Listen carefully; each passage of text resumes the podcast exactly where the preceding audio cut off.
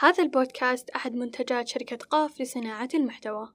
أهلين أنا عمرو. وأنا مها. وهذا بودكاست غريق على اليابسة.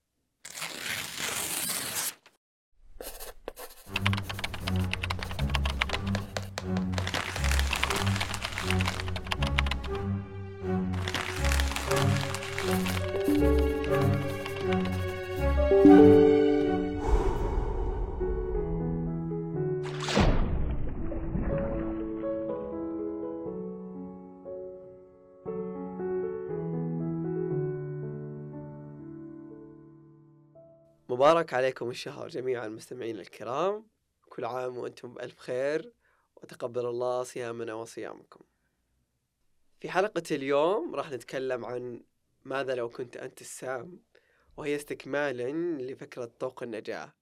في حلقة طوق النجاة وزي ما سمعنا في آخر أو زي ما سمعنا كلنا في آخر آه، حلقة مع ضيفتنا معالي آه، إنه فكرة طوق النجاة ممكن تكون في الحالتين إنه طوق النجاة إيجابية وطوق نجاة سلبية.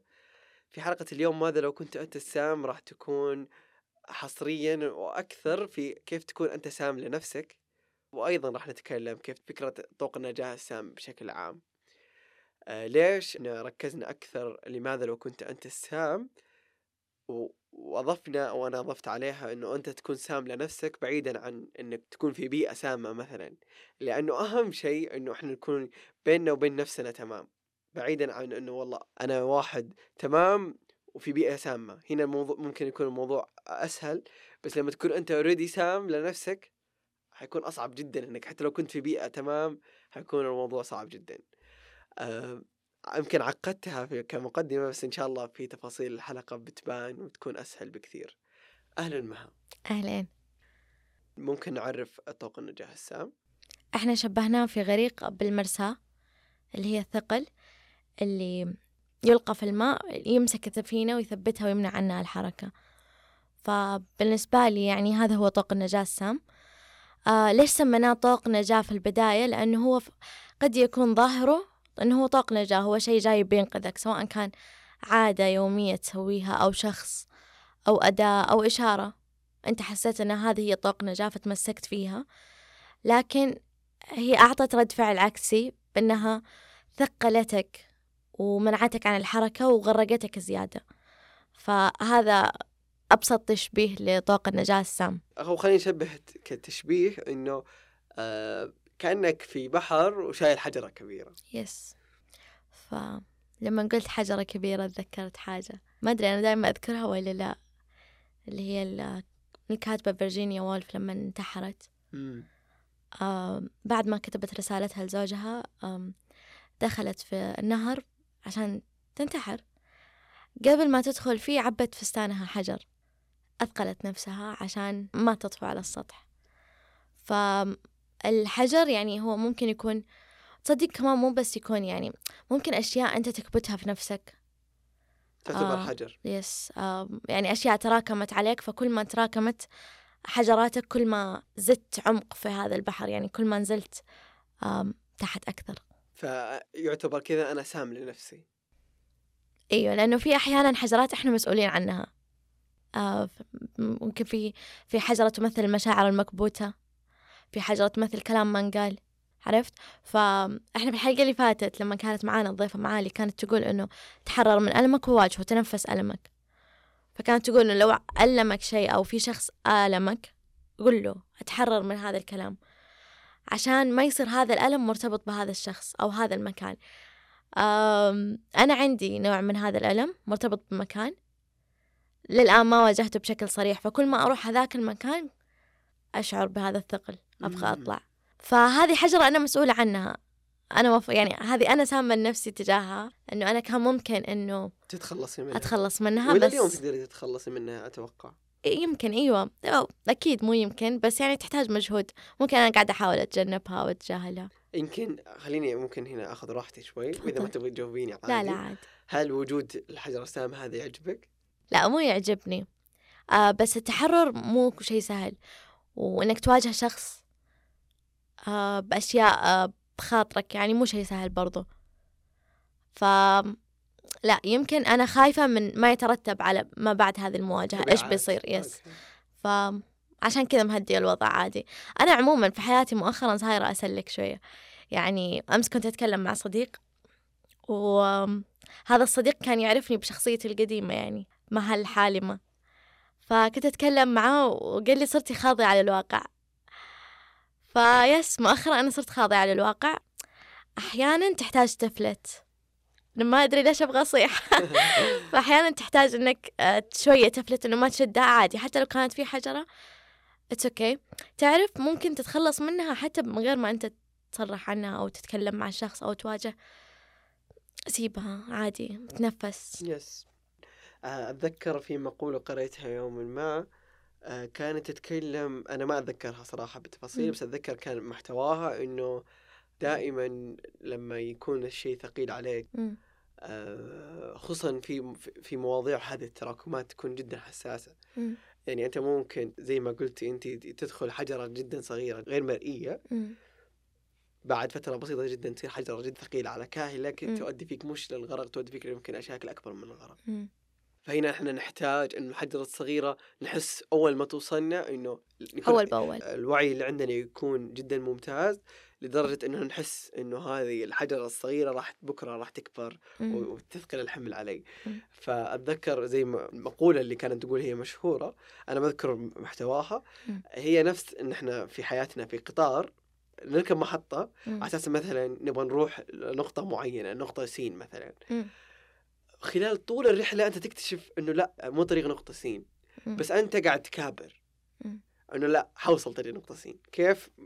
ما إحنا مهتمين. طيب يا أخي انزل من أقرب محطة وعدل ارجع نقطة الصفر وابدأ. لا أنا أبغى أكمل. مم.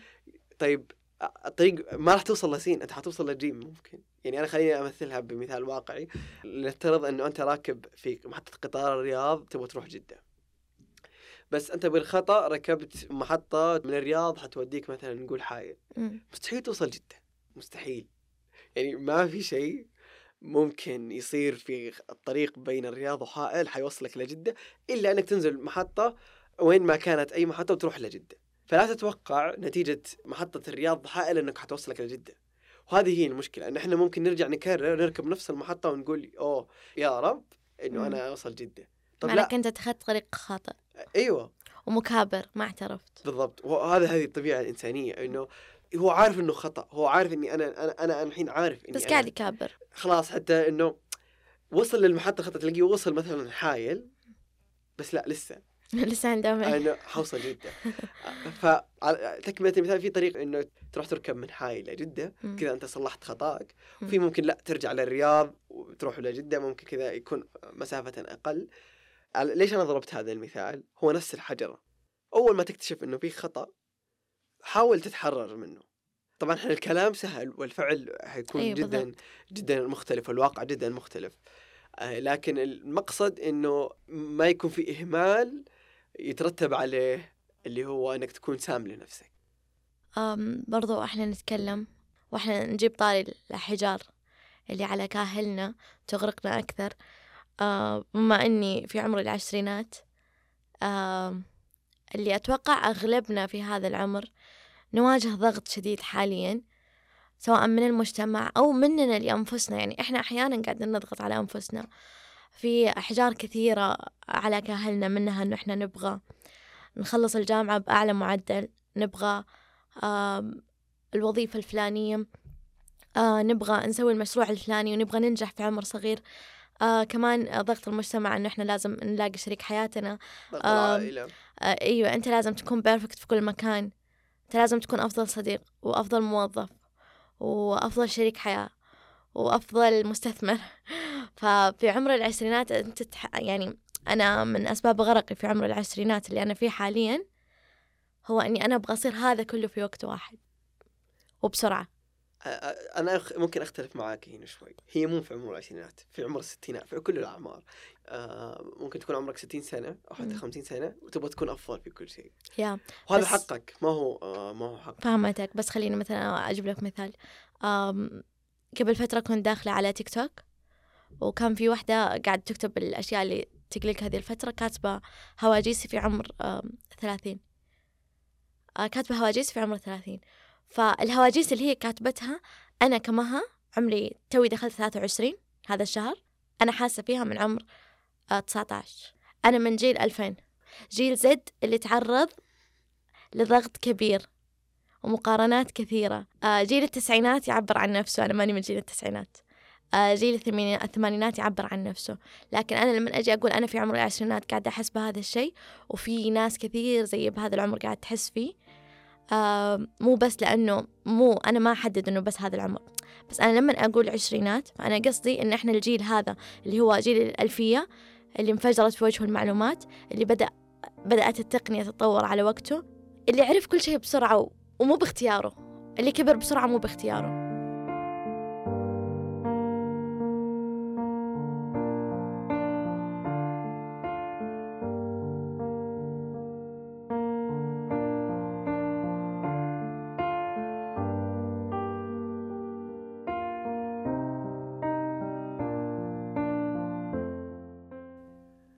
طيب جميل مها. سؤالي كيف مها تكتشف هي سامة لنفسها؟ إنه قاعدة تخزن حجارة داخلها مثلا. أم أحيانا يعني أنا خليني أشبهها بنثر قرأته جدا جميل. أنا ما أدري إذا هو نثر أو شعر لكن يقول فيك فكأنني موج يلاطم نفسه. البحر صدري والفؤاد غريقه كأنني موج يلاطم نفسه وأنا هذا السطر لما قرأته كذا وقفت عنده كثير. كيف ما تكون سامة لنفسها؟ آه أنا الآن اكتشفت أنه أنا هذه هذه اللي كنت أسويه سام. بس قبل ما كنت أدري فخليني أقول لك عن قبل. أحيانا كثيرة أحس أنه أنا مثلا ما أستحق وظيفتي. آه من زمان ترى مو بس وظيفتي مثلا في المتوسط. أو في الابتدائي لما كانت المعلمة مثلا تحبني أكثر من البنات أو يعني تعاملني معاملة شوية غير فكنت أحس إنه إنه لا حرام. ليش تعاملني معاملة غير؟ أنا ما أستحق هذه المعاملة عادي. يعني عامليني زي باقي البنات. أنا ما أستحق راتبي. وأحس إنه حرام أحس إنه فلوسي حرام. إنه أنا أحس إني أنا ما أشتغل. تعرف هذا كله يجي متى؟ يجي في وقت الفراغ. لما أنا أكون مخلصة كل المهام اللي علي خلاص ما وراي شيء أبدأ. أبدأ أقعد أفكر مع نفسي هذه الأفكار السلبية. آه زمان كنت آه أنهار مرة بوقتها. كانت تجيني تقريبا كل شهر. كل شهر حرفيا. يعني أنا عندي كل شهر مهام. أنا كمها أحاول أخلصها. يعني عندي ديدلاين مبكر للمهام هذه. أخلصها. بعد ما أخلصها أبدأ أقعد أحس إنه لأني حاسة إني فاضية إنه أنا ما عندي شغل. كنت رابطة قيمتي بقيمة أنا إيش قاعدة أسوي في هذه اللحظة. إذا إذا ما في مهمة معناته ما ما هي مهمة. عرفت؟ آه نفس الشيء إذا ما في معدل كويس معناته مها مو كويسة. آه كانت كذا أصوات تجي في راسي. كنت زمان أنهار وأصير أتكلم عن هذا الموضوع كثير. يعني مثلا أروح عند صديقتي أقول لها أنا حاسة إني أنا ما أستاهل حياتي. أنا حاسة إنه ما أستاهل راتبي ما أستاهل وظيفتي ما أستاهل معدلي ما أستاهل حب الناس لي. عرفت؟ آه أحس إنه لا أحس إنه في شيء غلط وإنه هم في يوم من الأيام حيكتشفوا إنه أنا ما أستاهل هذا الشيء. فأصير أبذل مجهود أعلى وأستنزف طاقتي أكثر وأسرع آه عشان أنا خايفة إنه يكتشفوا في يوم من الأيام إنه أنا كنت أضحك عليهم. إنه أنا أصلا مو كويسة بما فيه الكفاية إني أنا أستحق هذه الوظيفة مو كويسة بما فيه الكفاية إني أنا أستحق هذا الصديق حتى على سبيل العلاقات. آه مو كويسة ما فيه الكفاية إني أستحق هذا الراتب أو هذا المبلغ. كنت أحسه كثير علي. بس بعدين اكتشفت لما تكررت الحالة كثير مؤخرا لما صارت تجيني صرت أتجاهل الصوت. صرت أقول ما لا. لا تسوي أي شيء. اللي تعلمته في هذه الفترة أنه ما أتخذ ولا قرار وأنا حاسة بهذا الإحساس. آه صرت أحاول أنه بس يومي يخلص. عشان أنا عارفة إنه هذا الصوت بكرة ما حيكون موجود إنه هذا الصوت لحظي مؤقت. المهم إن أنا ما أتخذ القرار وأتجاهله ما أكون معطيته نفسي كاملة. وبس يعني. okay أنا أفهم منك كذا. أنت كيف ما تكتشف هي سامة نفسها وكيف تحل ممكن بشكل بسيط. yes كيف قلت لك كيف غرقت؟ وكيف قاعدة أحاول أنجو مؤخرا. جميل. أنا ممكن أعرف كيف إحنا نكتشف نكون سامين مع أنفسنا بشكل عام يعني. آه، لأنه هي من شخص لشخص يفرق من. تجربة لتجربة تفرق آه، ممكن إني أنا أعرف إنه أنا سام لنفسي. آه، أتذكر في حلقة الاستضافة الثانية مع زينب.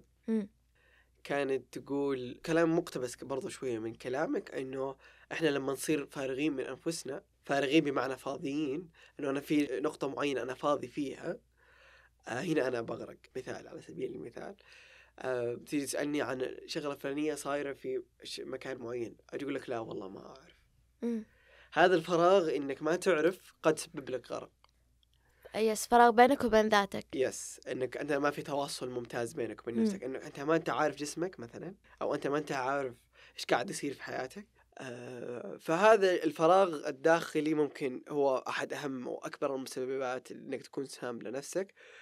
وإنه أنت تكون بعيد أصلا عن نفسك إنه أنت تكون منشغل في كل شيء في الحياة إلا نفسك مم. يعني أنت تكون منشغل في أهلك في أصحابك في شغلك في دراستك ومركز معاهم بالكامل. مية في المية أو مم. أكثر من مية في المية بس لما تيجي بينك وبين نفسك أنت مهملها تماما مم. أنت ما أنت زي ما قالت معالي ما في تأمل مم. ما أنت قاعد تتأمل نفسك وش قاعد يصير من حواليك ما في كذا وقت فراغ أنت قاعد تعطي نفسك حقها آه وإنه لا هذا وقت تتواصل هذا معاهم. وقت ترفيه لنفسي لا أروح ارفع نفسي. أنا تعبت الفترة الماضية أستحق جائزة. كنت فاضي فترة طويلة لا أقوم أشتغل. أنا اشتغلت كويس اليوم. أوكي الحمد لله بكرة حاشتغل أحسن. كنت مرة قاعد مع صديق. آه ما شاء الله هو 23 سنة زيي. آه واصل يعني ما شاء الله عنده شركته الخاصة وواصل مراحل عالية جدا. أنا ما أعتبرها قا... ما مو إني امدح نفسي بس إنه في كان بيني وبينه قواسم مشتركة كثير. فكنت أسأله أنت إيه، حكيني إيش صار معك؟ لأنه من زمان ما شفته. فقال لي سويت كذا كذا كذا كذا وصل نقطة معينة. قال شفت هذا النجاح اللي أنا سويته؟ لسه أنا شايف شايف أكبر عندي. قلت له والله شفت الأكبر اللي أنت شايفه فيك؟ أنا شايفه أكبر عندي. آه، فصدقا إنه لما يكون ما في حدود إنه معرفتك معرفتك بينه وبين نفسك. الحين هذا لما قال تعرف قدراتك. لما قال آه، أنا اللي سويته والنجاح الكبير اللي وصلت له أنا شايفه أكبر عندي. ليش قال كذا؟ لأنه هو واثق من نفسه. هو عارف مين هو كويس. عارف إنه. عنده أكثر. هذه ما يقولها واحد عنده فراغ داخلي. ما يقولها واحد سام لنفسه. فهذا ممكن أنا أقدر أقول كيف تقدر تكتشف نفسك بشكل عام. وأضيف آه، آية قرآنية. ربي يقول لا يكلف الله نفسا إلا وسعها. ربي معطيك وسعك كامل. فلا تصير سام إنك تحمل نفسك أكبر من طاقتك أو تحملها أقل. لأنه إحنا لما نيجي نشيل أو أقصد إنه ممكن لما نيجي ندخل في تجربة جديدة نشيل هم أوه هل أنا أقدر أو لا؟ ما أيوة. أقدر. أو إنه أنا أنا ما عندي قدرات هذا الشيء أو ما عندي المهارات اللي تخليني أسوي هذا الشيء. بس لا أنت عندك وزيادة. فلا ربي ما يعطيك وسع ربي ما كلفك في هذه المهمة إلا أنت قدها. بس آه، هذه هي باختصار إنه أنت لا تصير سام لدرجه تقول لنفسك أنا ما أقدر وأنت تقدر. فربي يطمنك يقول لك لا لا يكلف الله نفسا إلا وسعها. يس فمن البداية أصلا ربي ما أعطاك إياها إلا أنت قدها وزيادة. فهمتك. آم، زي في شخص آم، من أصدقائي جاته وظيفة في مكان هو مرة كان يطمح له. آم، رفضها. رفضها لما سألته ليش رفضتها قال لي أنا ما أحس أن أنا أستحق هذا المكان وأنا جاهز ما فيه الكفاية. ومهاراتي لا ترقى لمهارات هذا المكان حاليا. أنا في البداية كنت أشعر أنه هو سام لنفسه. يعني أنت كيف يعني ما جاتك على قولتك أنه يعني ما جاتك هذه الوظيفة لو أنت تستحقها. ما حد طلب منك هذا ال... هذه الوظيفة إنك تاخذها وتشغلها إلا لو أنت يعني إلا لو شافوا فيك شيء إن أنت تقدر. فتعرف هي شعرة بسيطة من إنه بين إن أنت تكون سام لنفسك وبين إن تكون أنت فعلا عارف قيمة نفسك. اللي هو زي ما دايما نقول آه، رحم, رحم الله. امرئ عرف قدر نفسه. فأنا قلت لك وقتها كنت شافته إنه هو سام لنفسه وإنه هو كيف يرفض هذا الشيء. آه بس مؤخرا اكتشفت إنه لا والله هو الإنسان كان عارف قيمة نفسه. ما قال حرفضها الآن وخلاص للأبد لا قال حروح أطور نفسي وأرجع لها. وأرجع لها. رغم إنه كان مثلا ممكن يقدر يدخل ويطور نفسه أثناءها بس يعني أقدر أفهمه الناس الآن. مختلفين يس، أقدر قدرات أفهمه الناس و- فالفكرة هو إنه شعرة بسيطة بين صحيح. أنت تكون عارف قيمة نفسك وبين أن أنت تكون سام لنفسك وتجهلها. صحيح.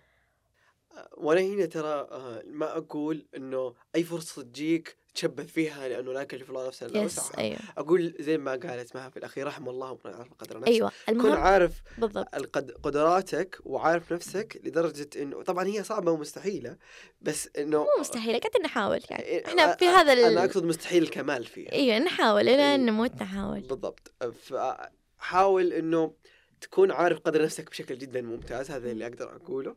إنه لما تجيك الفرصة وأنت تشوف إنه لا إنه أنا أقدر. أتحملها وأقدر أسيطر عليها مم. ليش؟ أدخل يس لما تكون مو قادر زي المثل اللي ذكرتيه. أفضل إنك تقول لا أيوه خطأ شوف هو وأنت المهم. أيوه لأنه كان المهم إنه إحنا نعرف نتواصل مع نفسنا ونكون صادقين مع نفسنا صحيح ما حقول أنا شاطرة في مهارة سيبك من الناس بينك وبين نفسك أنا ما حقول لنفسي أنا شاطرة في مهارة وأنا مو شاطرة فيها 100% نعرف نقاط ضعفنا ونحولها قوة بأن إحنا. نطورها ونتعلم آه، طب إيش الحل؟ وذك انت ذكرتي حل بشكل كذا سريع. فهي لو جينا للرحلة اللي هي الغرق إنه كيف كنت سامه مع نفسك اللي أدى فيك. الغرق وإيش اللي طلعك من الغرق؟ أم شوف هو في أكثر من من حاجة استخدمتها عشان ما عاد أدخل في هذا البحر مرة ثانية أه وبرجع أكرر كنت كالموج يلاطم نفسه أن أنا اللي كنت يعني العالم كان عادي ما حد يعني ما حد عمره جاء قال لي ما أنت مو كافية أو أنت ما تستحق اللي أنت فيه. نو أنا دائما كنت أحسها يعني والله العالم ما كان له دخل أنا أنا بيني وبين نفسي أنا اللي كنت أجلد نفسي وكنت أكلم نفسي بهذه الطريقة. أم يمكن أول حاجة أثرت فيني إني شفت في ناس معدل الاستحقاق تجاه نفسهم عندهم عالي. إنه لا دائما يقولوا أنا أستحق الأفضل رغم إني أنا كنت أشوف إنهم ما, ما يبذلوا ذاك الجهد اللي أنا أبذله. بس رغم كذا كان استحقاقهم عالي. فكنت أحس إن أنا استحقاقي تجاه نفسي قليل. كان لازم إن أنا أعدل هذه النقطة فيني. إنه لا دائما أقول لا أنا أحتاج أفضل من كذا. أنا أستحق سوري مو أحتاج أستحق أفضل من كذا. لا أنا تعبت زي ما أنت قلت أنا تعبت. فلازم أنا أكون أقدر تعبي أول حاجة.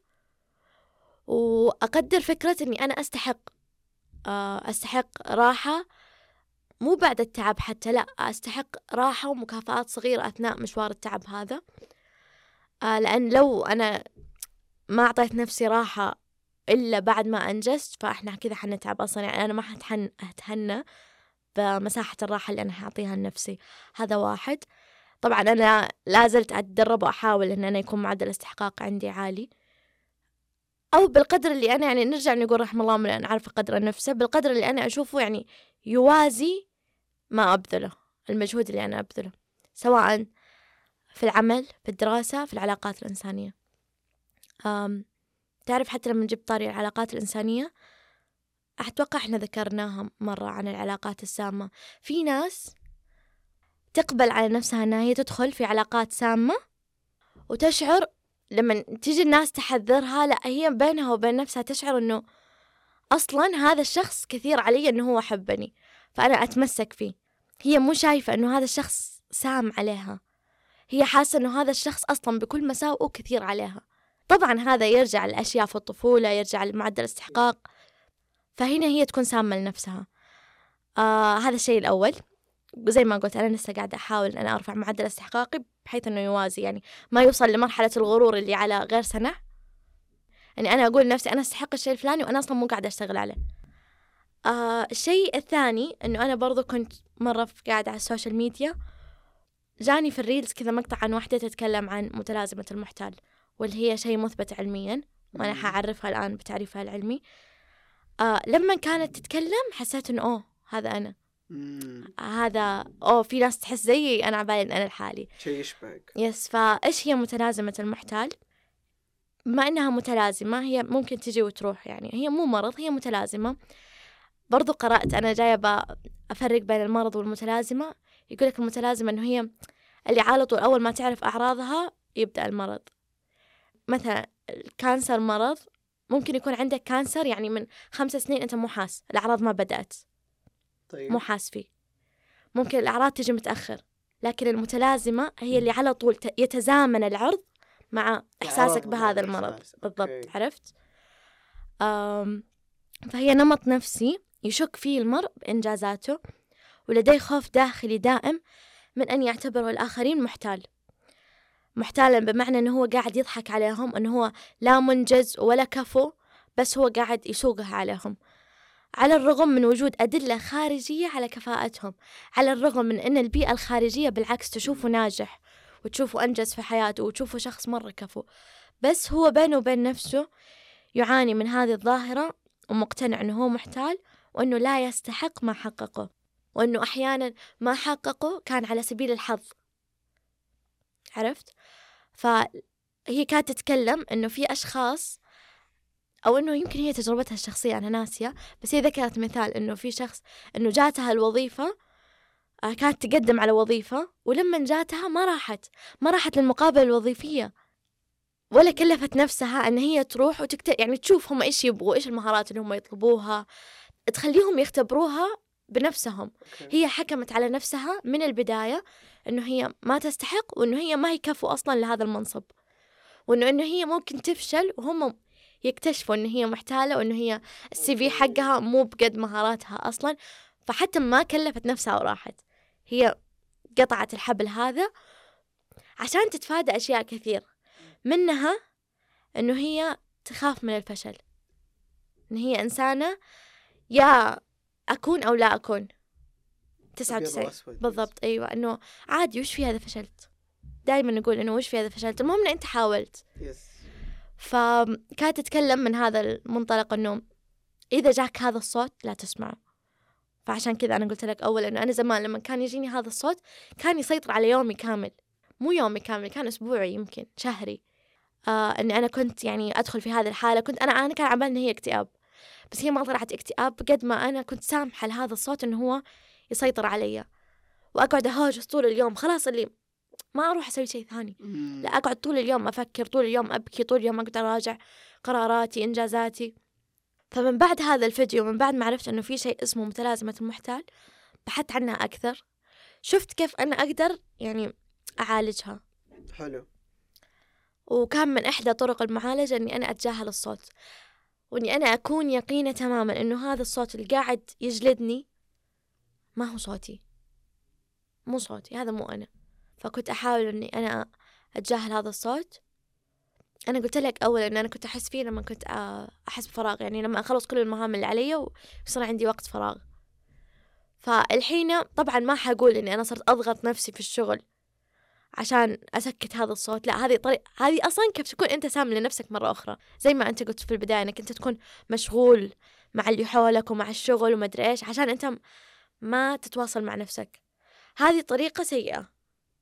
في ناس ممكن تتجاهل هذا الصوت بهذه الطريقة إن هي والله تسحم نفسها آه تسحم نفسها سواء بمهام بعلاقات عشان ما تبغى عشان تتجاهل صوت سيء في راسها بس تسويها بطريقة سيئة. عرفت؟ إن أنت تعالج الغلط بغلط أو تعالج المرض بخطأ.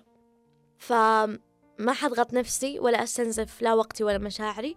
الوقت الفراغ اللي عندي ممكن أتأمل فيه. ممكن أسوي شيء يعني أمارس هواية أنا كنت منقطع عنها.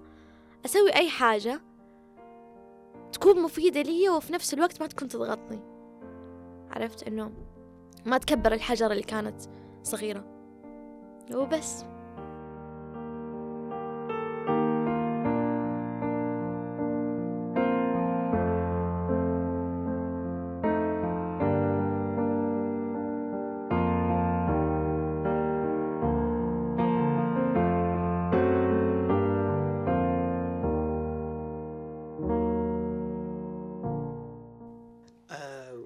وانت تتكلمي أتذكر مقولة أحبها جدا. تقول آه وأنت مشغول في التشكيك في نفسك في حين إن الآخرين مرعوبون من إمكانياتك. طبعا هذه تغريدة أحبها جدا أنا غردتها وهذه المقولة معاي من زمان يعني من 2020 أو 2019 آه، أحبها لأنه صدقا جت كذا على وتر حساس عندي. في فترة من الفترات عمري كنت أمر في هذه المتلازمة اللي هي إنه أنا آه، أنا الحمد لله كنت متفوق دراسيا بشكل جدا ممتاز آه، فزي ما قلتي لما أميز عن باقي الفصل مم. أميز عن باقي الطلاب أشعر واو أنا ليش أميز مم. ف كنت تحس إنه عادل ولا ظالم كنت تحس إنه أوه أنا أستحق هذا الشيء ولا لا ما أستحقه كنت أفهم إنه المدرس يعاملني مثلا أفضل لأني أنا أفضل من الباقيين. وبعيدا عن العدل والظلم كنت أفهمه بس كنت داخليا اللي هو أنت قاعد تخدع نفسك؟ أنا- أنت هل هل أنا أستاهل هذه المعاملة؟ مو قضية هل أنا أستاهل قد ما هو okay أنا أنا ممتاز جدا مثلا في المادة الفلانية بس داخليا أنا أحس إني ماني ممتاز. أيوه. أنا ممتاز لدرجة إني أدخل وأختبر وأجيب full marks مثلا درجات كاملة بس أنا لسه داخليا في صوت إنه أنت ما أنت ممتاز فيها. في تشكيك داخليا.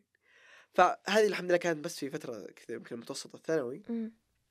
في أيام الجامعة الحمد لله لا اختلف معي الوضع تماما. فكيف عرفت أطور هذا الموضوع؟ إنه أنا أقلب التشكيك إلى يقين كنت أنا أصير مدرس مع المدرسين أو دكتور مع الدكاترة. فمثلا الدكتور يشرح فترة معينة كثير بسلسلة من من يعني المقاطع التعليمية أو آه، شغلات تعليمية في مادة معينة. بعد هذه الشهر أو الشهرين أجي أنا آه، أروح آخذ هذا اللي أنا تعلمته كامل آه، سواء كمواد سواء كشخصية. مهارات أيوه أيوه مهارات شخصية. أجي أنا أروح أنقلها للطلاب. مم. أنقلها للطلاب بحيث إنه آه، أرضي الجانب اليقيني اللي داخلي إنه لا أنت ممتاز. فأنا أنا أعرف تماما إنه في نقاط معينة عندي. أنا ك- هي الناس قدرات بشكل عام. أصابع اليد مختلفة يعني كل كل أصبع مختلف عن الثاني. فممكن أنا عمر عندي نقاط متميز وممتاز فيها. واحد صديقي آه، زميلي في الجامعة مثلا يكون هي هي ما هي موجودة عنده بس عنده نقاط ثانية متميز. فيها. إيه. يس هاي كانت طريقتك عشان تخرج من وأنا إلى اليوم عشان تتجاهل الصوت. آه، أحب فكرة المشاركة ال- الأشياء اللي داخلي الأشياء المهارات المكتسبة اللي عندي أحاول أشاركها اللي معاي بحيث إنه لنقطتين. أنا شخص أحب جدا فكرة التأثير مم. وإنه في آه، واحد كان ما يعرف وصار يعرف بسببي. أيوه. وثانيا إنه لا توقف ليش يوقف عندي هذه المعلومة أو يوقف عندي هذا العلم؟ خليه ينتشر أكثر. برضو عشان هي هي كانت بداية لتثبيت اليقين داخلي فحاليا صارت عادة يعني. مم. أتوقع أغلبنا في مرحلة ما في حياته سوى زي كذا. يعني أنا أتشابه معك في هذه النقطة. أم في مقالة قرأتها عن متلازمة المحتال. أه تقول إن هي مرة تفيد الناس. يعني هي هي ممكن صح تهز ثقتك بنفسك لكن في نفس الوقت حتكون دافعك اللي يخليك تبذل أكثر وتتطور أكثر وتصير أفضل من غيرك حتى لو أنت ما كنت شايف أنه أنت أو مو حاس أنه أنت الحين أفضل من غيرك. صحيح. ممكن بعدين تحس. ف وكمان قرأت أن سبعين في المية من الناس يمروا بمتلازمة المحتال في حياتهم. أنا أفهم أنه هي ممكن تكون مفيدة. مفيدة لو أنت عرفت عرفتها وعرفت أنه هذا الصوت مو صوتك وأنه هذا صوت ممكن أنا أحوله من نقطة ضعف إلى نقطة قوة. أنا سمعت أن أنا ماني كافية أو أنا قلت لنفسي أنا ما أستحق وظيفتي أصير أبذل مجهود عشان أقول لنفسي لا أنت بعد هذا المجهود صرت تستحقيه أفهم هو ممكن يكون له فايدة. بس لا يكون ضاغط عليك. لا يكلف الله نفسا إلا بالضبط. أيوة أنه لا تكون سام لنفسك لدرجة أن أنت تصير تبذل تبذل تبذل تنسى أشياء كثير في حياتك في سبيل شيء واحد تبغى تحس أن أنت تستاهله. وظيفة دراسة إيش علاقات صحيح. أيا ما كانت. أنه ابذل سوي اللي عليك. بس لا يكون اللي عليك مرة أنك أنت تستنزف نفسك. عرفت فح... يعني حتى لما توصل لنقطة أنه أوه صرت ناجح حتوصلها وأنت تعبان أصلا يعني بالضبط. مو مستمتع بالرحلة منهك صحيح وأنا هنا آه، أتذكر مها آه، كنت مرة في نقاش مع صديق رياضي جدا مم. قال أهم شيء في حياة الرياضي أو في صحة الرياضي هي فترة الراحة قال فترة الراحة أهم من فترة التمرين مم. قال إحنا لو نتمرن سنة كاملة بدون توقف وما في راحة قال أنا كرياضي كذا ما راح أستفيد من التمرين. يقول العضلة أو التمرين اللي انت مريته تحتاج راحة. ما راح تصير أحسن إذا أنا قاعد كل يوم أتمرن أتمرن وما وقفت رحت نمت نمت في عدد ساعات كافي آه وعدد ساعات ممتاز وإنه كان في ترفيه. طبعا ليش أقول ترفيه؟ لأنه هي دورة حياة كاملة. زي ما في جد في مزح وزي ما في مزح في جد وزي ما في في آه، تعب في في راحة تعب في في راحة زي ما في نوم في عكس النوم اللي هي ال- الحياة. فلازم إحنا نحاول قدر المستطاع نوازن. أيوه نوازن في كل شيء. نعرف إنه صعب هو صعب بس لا نوصل لمرحلة إنك تكون سام مع نفسك بس. أيوة. لا في إنك تبذل مجهود مبالغ عن اللي أنت مفروض تسويه ولا في إنه أنت أم برضه خليني أقول حاجة سمعتها في مقطع مع إني ما أحب مقاطع يعني آه هذه الإيجابية وكذا. حلو. بس صادفني ذاك اليوم وسمعته. ليش وقفت عنده لأنه كان عن القلق وأنا شخص قلق جدا. فكان يقول إنه الأشخاص اللي عندهم القلق يعني يأثر على حياتهم ويعيقهم هم يفكروا أكثر مما يعملوا. أحيانا لا تفكر سوي ادخل. أنت خايف وقاعد تهوجس وتفكر كثير لأنه أنت ما خطيت الخطوة. اخطيها وبعدين يصير خير. فكل هذا القلق والتفكير لأنك لسه ما خطيت. ف أتوقع قلنا أغلب النقاط إنه كيف إحنا نعالج متلازمة المحتال لو كنتوا تحسوا فيها.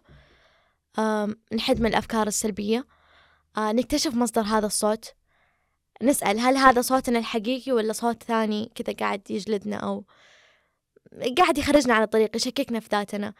حلو تكون واثق في نفسك.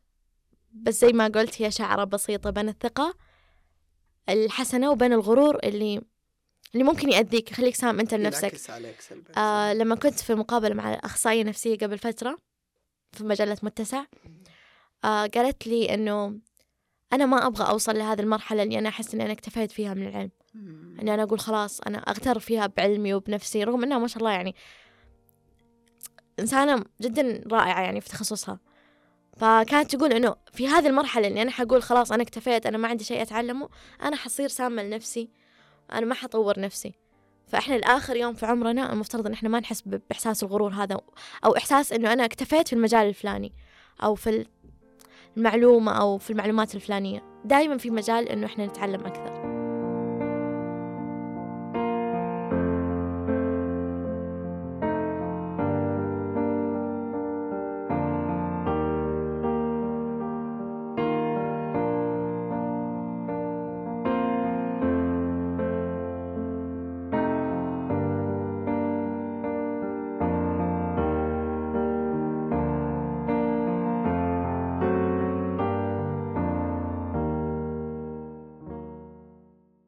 زي ما قلتي مها إحنا أتوقع إحنا غطينا نقاط وفي نقاط ما ذكرت هي لكم جمهورنا.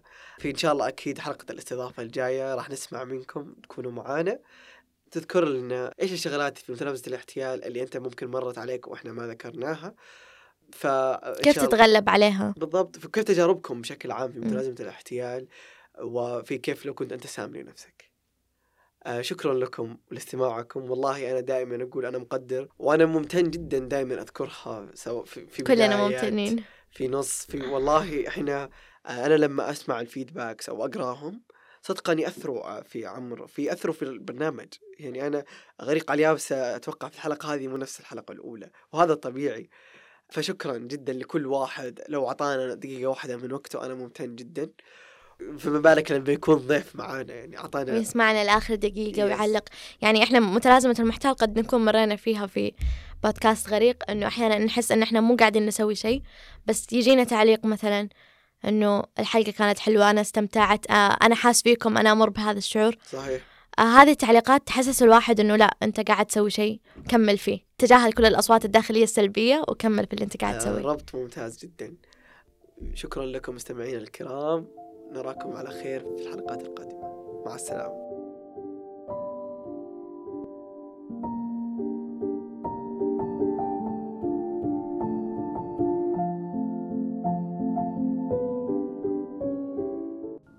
وفي نهاية الحلقة كل أمنياتنا للغرقى على اليابسة بالنجاة.